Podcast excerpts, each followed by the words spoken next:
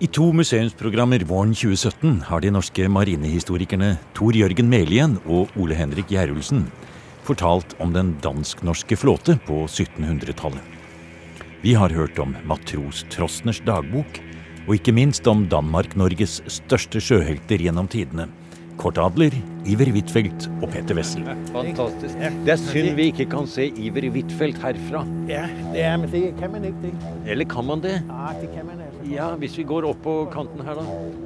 Skal vi prøve? Og Cicerone og den mest kyndige veileder man kan ha i Kongens by når man snakker om dette emnet, var pensjonert overarkivar i det danske riksarkivet og den danske marines historiker framfor noen gjennom mange tiår, Hans Christian Bjerg. Her bodde flåden i, i den trekant, og, og det er Kongens Nytorv og Nyhavn, som jeg tror mange kjenner.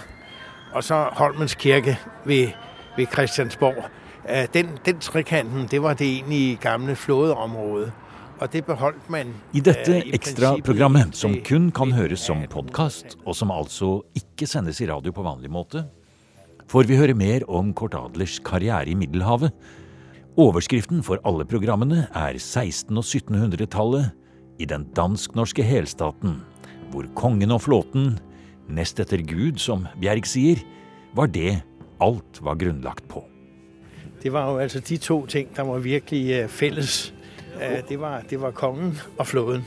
Og nå går vi jo også eh, nå rundt i en annen ting som var felles, nemlig København, som jo også var den norske hovedstad. Ja, det, det gør vi. Og det, altså man, man fikk jo aldri bygget den hovedbase eller en base i, i Norge, som man hadde håpet. Man bygget man hadde noe i, i Hall, og man hadde noe i, i Stavern, altså i Fredriksvern. Uh, men, men det blev aldrig, altså man havde jo haft planer om ligesom at lave en, en meget væsentlig, således at halvdelen af flåden faktisk skulle ligge i Norge, men det fik man jo aldrig taget sig sammen til. Så, men, men man havde faktisk intentionen om egentlig at, at lave en, en udvidet, altså således at Norge også blev betjent af flåden, for det, det nåede man aldrig rigtigt til. Altså der var ikke, øh, altså vi fik kanonbåde fra 1807 til 14, men vi nåede jo aldrig, at det blev sådan en, en, en, en, en væsentlig del af flåden, der lå i Norge. Det blev det ikke til. Men altså, man kan også sige, at den politiske udvikling gjorde jo også, at det blev Østersøen og de danske stræder, der var aktuelle.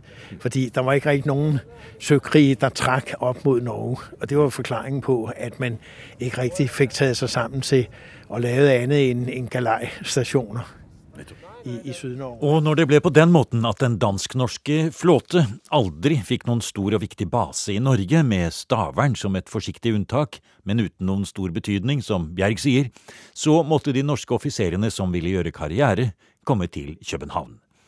På 1600-tallet var det den danske adel og den norske Kurt Sivertsen, senere Kort Adler, som gjorde karriere som sjøoffiser. Som det ble beskrevet i et tidligere museumsprogram, så fikk Kort Adler sin utdannelse blant annet i den nederlandske marine, og ble etter hvert headhuntet til København for å lede oppbyggingen av en moderne dansk flåte. Da hadde han allerede rukket å bli en rik mann, sier hans norske biograf Ole Henrik Gjerulsen. Eh, ja, eh, han hadde eh, gode kontakter bl.a. i Nederland. Eh, for han hadde jo vært i nederlandsk tjeneste. Han var eh, nederlandsk gift og bl.a. Eh, gjorde innkjøp for den dansk-norske flåten i Nederland. Dette har nok også inspirert han til å delta i, i forretningsdrift, og han Nå må vi springe litt over gaten her. Ja. Unnskyld at jeg avbryter litt her nå, men de gale syklistene holder på her, Ja, så vi må forte oss nå på på. Grønn mann. Vi går over nå i Strandgaten.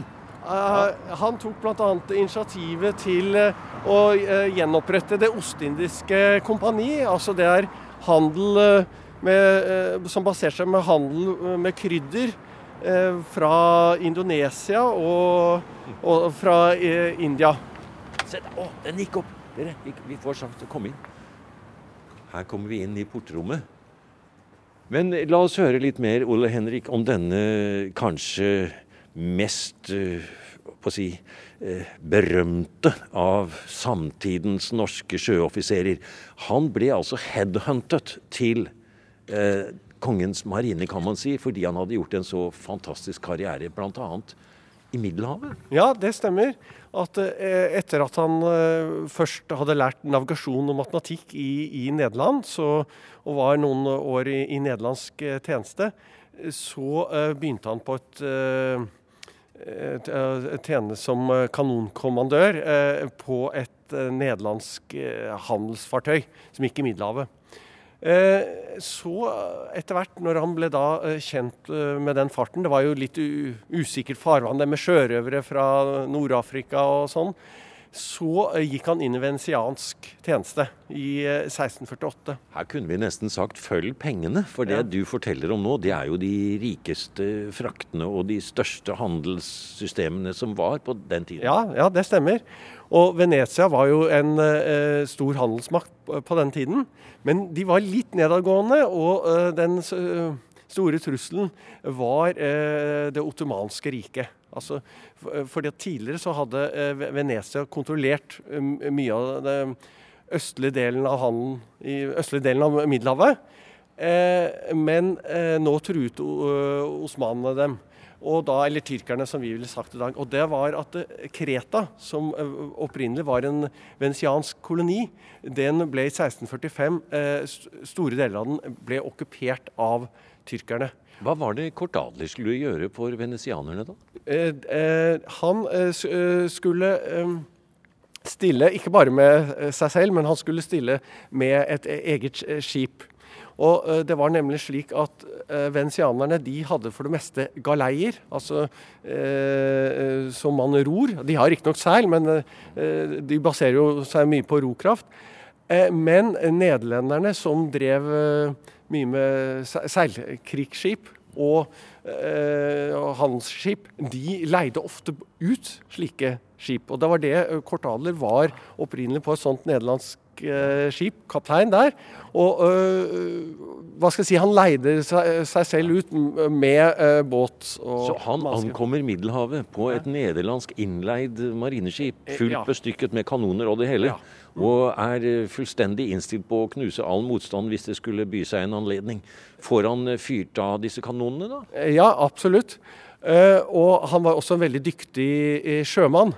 Eh, og Det gjorde at eh, de uh, venesianske admiralene valgte hans skip som flaggskip og på en måte admiralskip. For admiralen var selv om bord på dette skipet. Så det var flere trefninger, altså? Ja, det var flere trefninger. Og e-, et kritisk punkt det er det som heter Dardanellene, som er utseilingen Eh, fra eh, Marmarhavet, eh, altså ved Tyrkia, og så ut utseiling til ut ut Middelhavet. Som ble berømt under første verdenskrig? Ja, det stemmer. Hvor, det var vel faktisk Churchill som beordret Et stort nederlag. Men, men på kort alderstid ja. så visste ikke noe om dette. Men også Nei. han har altså vært innblandet i et slag der? Ja, han har vært innblandet i, flere slag. Og da var det hovedpoenget var også å hindre at tyrkerne kunne seile ut av eh, Dardanellstredet eh, for å forhindre at de fikk sendt eh, tropper og forsyninger til Kreta.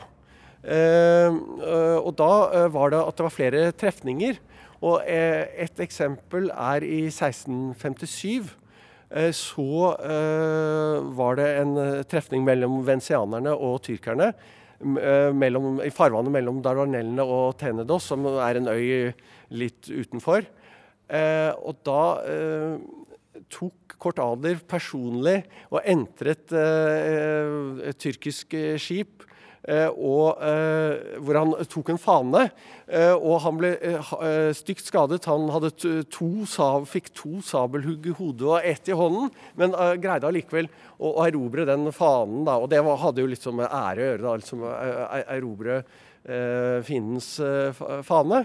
Så det, det, er ett eksempel. Et annet eksempel er at eh, året etterpå, i omtrent samme farvann, så greier han og hans mannskap å Eh, befri et annet eh, vensiansk skip eh, som var omringet av 38 tyrkiske skip. Så, ja. Hvordan går det til slutt med Kortaller? Ja, han faktisk dør i begynnelsen av november 1675 fordi at Det har jo da noen måneder før brutt ut krig mellom Danmark, og Sverige. Og han blir jo da beordret til å lede flåten for å vente på svenskene i Østersjøen. Og til, til tross for stormer og sånn, så, så, så, greier han å ri stormene av. De har ingen havarier, i motsetning til hva svenskene hadde. Men er, man bor veldig tett om bord, og det bryter ut eh, epidemi. Altså antageligvis en tyfusepidemi eh, om bord eh, på hans skip, eh, men også på en del av de andre av skipene. Eh, og det ender med at han selv eh, blir syk. Og han skriver til kongen at han har følt seg svak i, i tre uker. Eh, men at han så lenge han eh, eh, har ja, At han, han, er noenlunde frisk, så vil han liksom tjene kongen. Men eh, i slutten av eh, oktober så er han så dårlig at han eh, ikke greier å underskrive det siste brevet til kongen. Og kongen beordrer flåten til København, og han må før flåten uh, kommer til København, så må han gå i land, bli satt i land ved Drager uh, ved Amager. Og uh, her blir han da brakt i land og kjørt her til huset sitt i Strandgate. Han kommer hit altså, ja. syk, brakt hit ja. fra a sitt linjeskip? 2.11. Og da er det,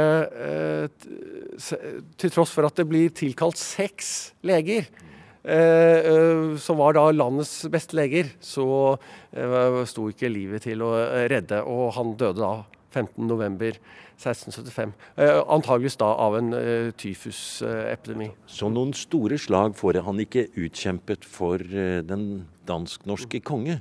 Og dør faktisk her av sykdom i dette huset her vi står nå, kanskje i en av rommene bak oss. Ja, Eh, det, det, kan tenkes. Kanskje oppe i annen etasje var det vanlig å ha soveværelsene. At han døde her da. Han hadde jo da fire mindreårige barn da, og etterlot seg en enke. da. Du har nå hørt en podkast av programmet Museum fra NRK P2.